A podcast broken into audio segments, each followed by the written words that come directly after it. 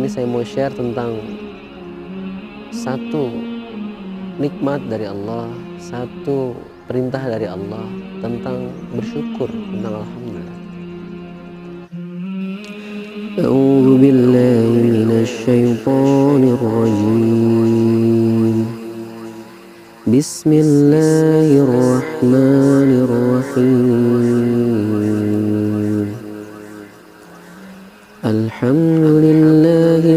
فاتر السماوات والأرض جاعل الملائكة جاعل الملائكة رسلا أولي أجنحة مثنى أولي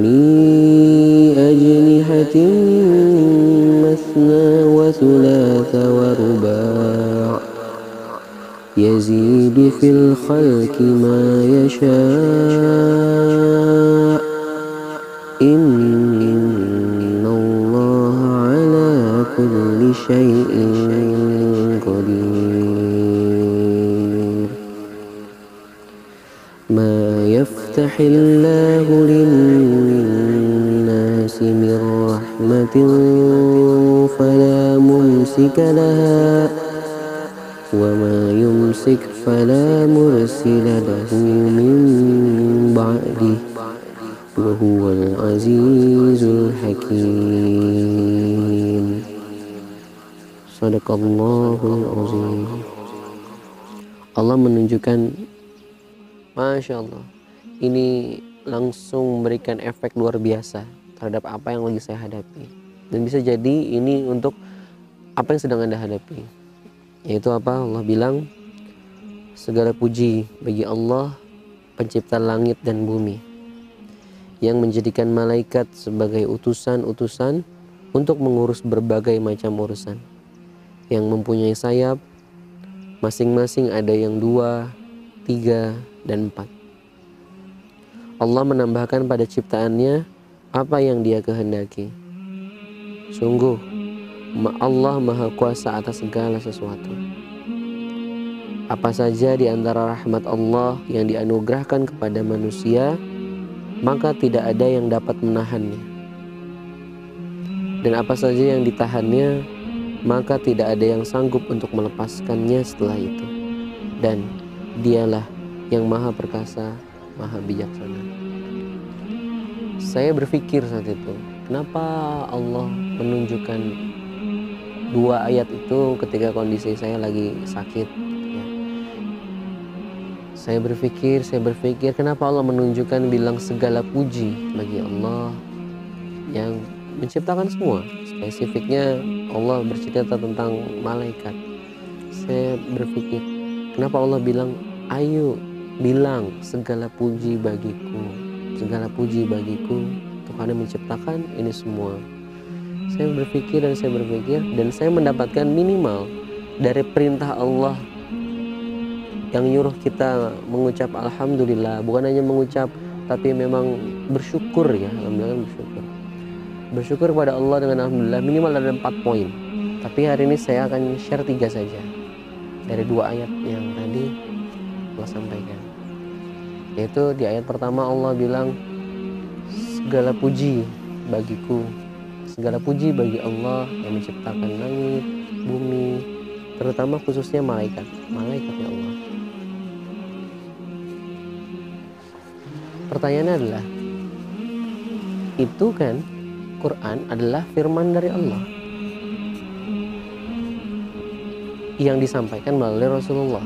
Berarti memang Allah sendiri yang menginginkan kalimat hamdalah itu kalimat syukur itu diucapkan oleh para hambanya. Jadi Allah yang nyuruh ayo segala puji bagiku ayo bilang segala puji bagiku. Pertanyaan adalah kenapa Allah nyuruh kita bilang segala puji baginya? Ternyata minimal ada tiga, ada empat catatan yang saya bisa catat dan saya share tiga. Yang pertama sudah jelas. Dengan itu Allah menginformasikan. Yang pertama Allah menginformasikan bahwa aku layak disembah. Aku loh ini apa layak banget untuk disembah. Maka di situ kita diminta untuk menyembah Allah. Diminta untuk bersyukur kepada Allah. Nah dengan kita bilang Alhamdulillah itu dengan informasi itu akhirnya apa? Bahasa Allah mengomong hanya aku yang pantas dipuji. Dan ternyata ini obat. Obat bagi siapa? Obat stres bagi orang-orang yang mengharapkan pujian. Banyak dari kita hari ini yang dia itu stres ketika nggak dipuji semua orang sibuk nyari pandangan orang sibuk ngedempul topengnya sibuk benerin uh, dirinya tapi bukan buat Allah tapi buat orang lain muji. Jadi ketika nggak ada yang muji stres. Lihat yang bikin stres siapa? Kita sendiri. Yang bikin stres itu kita sendiri. Dan kalau nggak mau stres maka jangan ngejar pujian. Lantas apa? Pahamilah bahwa hanya Allah yang pantas dipuji. Itu catatan pertama saya. Obat stres. Dengan kita bilang syukur alhamdulillah. Dan yang kedua catatan dari kenapa Allah memerintahkan kita untuk bersyukur ternyata dengan kita bilang sepenuh hati dengan sepenuh pengakuan diri ya Allah Alhamdulillah Hirbil alamin segala puji bagimu ya Allah hamba mengaku ya Allah semua nikmatmu ya Allah. Maka hamba memujimu ya Allah. Terima kasih atas semua nikmat darimu ya Allah. Hamba benar-benar bersyukur atas semua nikmat darimu. Orang yang memiliki rasa syukur yang seperti itu orang yang memiliki rasa syukur benar-benar terima kasih ke Allah dia itu akhirnya merasa apa di hati? Fulfillment. Penuh. Penuh dengan apa dia merasa cukup. Dia akhirnya merasa cukup dengan semua pemberian Allah. Ada stres penyakit stres yang kedua. Kenapa? Banyak orang yang merasa cukup. Banyak orang yang merasa cukup sehingga dia akan mati-matian berusaha ngambil. Bahkan yang bukan punyanya dia ambil gitu.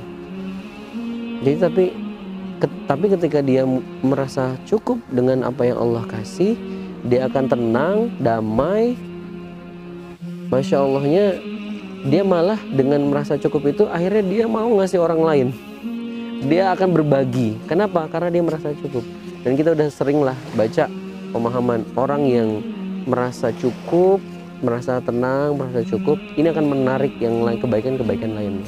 Logikanya gini aja. Ketika dia merasa cukup, dia nggak merasa kekurangan, dienteng ngasih orang lain. Ngasih apa? Ngasih uang kah? Ngasih ilmu kah? Ngasih saran kah? Ngasih nasihat kah? Atau apa pun itu semua. Dan ketika banyak ngasih ke orang lain, orang lain senang, akhirnya apa? Membuka peluang-peluang buat dirinya sendiri. Kebaikan akan banyak datang ke dia. Itu ternyata obat yang kedua alhamdulillah syukur itu itu menjadi obat bagi orang-orang yang merasa kurang terus semakin dia merasa kurang akhirnya dia semakin apa ngejagain yang, yang dia punya dan dia nggak mau nge-share dia nggak mau nge-share buat orang lain. Efeknya apa? Jadi pelit ya sudah. Dia makin-makin rezekinya sedikit. Kenapa? Karena dia jagain itu banget gitu. Tapi dengan dia banyak bagi dia akan malah berlimpah. Lain syakartum dan akum itu kodifikasi Quran ya. Kenapa bisa kalau kita syukur ditambah? Karena dengan syukur kita merasa cukup kan? Alhamdulillah ya Allah hamba cukup denganmu aja ya Allah. Sehingga dia sangat enteng ngasih-ngasih teng teng teng teng teng teng. Dan kehidupan ngasih lebih baik buat dia. Ternyata itu. Dari surat Fatir itu kenapa Allah memperintahkan kita untuk bersyukur? Ngomong ayo bilang aku berhak untuk kepadamu ya Allah segala puji bagimu ya Allah. Segala puji bagimu ya Allah menciptakan ini ini semua. Itu menenangkan di sini. Jadi syukurnya jangan cuma bla bla gitu ya. Tapi alhamdulillah ya Allah kasih ngasih ini. Alhamdulillah ya Allah terima kasih ngasih ini terima kasih ngasih ini. Itu catatan kedua. Di situ saya yang lagi sakit tenggorokan nggak ada suaranya itu saya tenang. Teng. iya. Alhamdulillah alhamdulillah. Tadinya stres. Eh ternyata poin yang ketiganya dahsyat.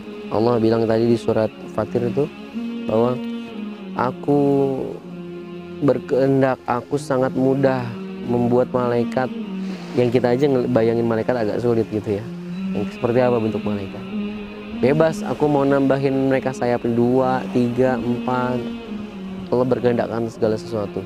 Dan mudah bagi Allah melakukan sesuatu. Di situlah saya bahasa kayak Allah mau ngomongin Ren Ren apalagi cuma tenggorokanmu Ren yang sakit kayak gitu.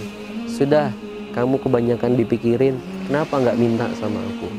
Syukurmu banyakin sekarang minta sepenuh kebutuhan sepenuh kehinaan di hadapan Allah saya langsung tutup Quran saya dan langsung bilang ya Allah mudah bagimu ya Allah untuk menyembuhkan tenggorokan saya ya Allah.